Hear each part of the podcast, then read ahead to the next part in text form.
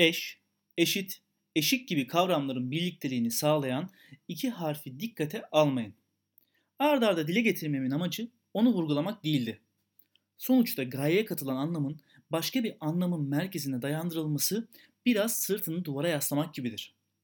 İnancının kırılmaya yakın olduğu noktada attığın bitkin kulaçları ile dubalara ulaşmaktan farksız duruyor bu söylediklerim. Evet, bu engin bir deniz. Görüş dediğin her halükarda boğulmaya mahkumdur. Fakat hapishaneleri de biz kurmuyor muyuz? Söylenişinde aynı hissiyatı uyandıran üç sözcük ne kadar birbirinden uzak ve birbirine hasret. Bu soruları da kendime soruyorum.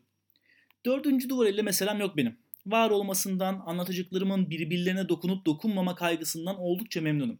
Ama şunu düşünmeden edemiyorum. Bağımsızlıkların gömülü olduğu çukur da toprağa, taşa bağlıdır.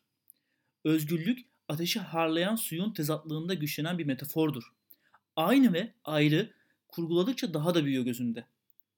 Birey olmanın gücüne güçten fazlasını katıyor, inanç veriyor. Her neyse. Kısacık ama kocaman diyalog balonları dolanıyor tepesinde binaların. İki harf sıcaklık verirken iki bedene, değmiyor sanki teninin her noktası tenine.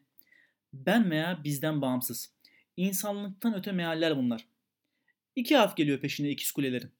Ne arkadaşlar, eskilerin ne de düşmanı varlıkların sahte selamlaşmadan fazlası değil. Zaten sonradan gelme kale bile alınmıyor. Tabi aralarından biri başka hallere giriyor. Aşılması gereken sınıra tekabül ederken aslında yolun sonu olduğunun farkına varıp arkasına döndüğünde gördüklerine şaşkın. Çizginin tam ucunda bekliyor. Sıradanlaşma kelepçesinin açılması adına atlaması gerekiyor. Fakat anahtar hiç olmamışçasına eskiden ikiliden selam geliyor. Dön önüne sen de ne işte. Ne bağlanmıyor çünkü birbirine. Ne öncesi ne de sonrası bunların. Yükler ağır. Denge bozulur. Devriliğinde kalkıp toparlanmak kolay gelir, yorulursun. Her düşünde biraz daha bozulur, nefesin daralır, üzülürsün. Bırak herkes aynı kalsın. Ulaşmaya çalıştığın merdivenin demiri paslanmış. Zaten yüzmeyi de bilmiyorsun. Duba falan yok ortada. Kıyıdan uzaklaşmadan kumlarıyla saçmala kendince. Yoksa sen de boğulursun. Bu iki harf üç farklı anlam, üç farklı derinlik ile bize bir sürü şey anlatıyor.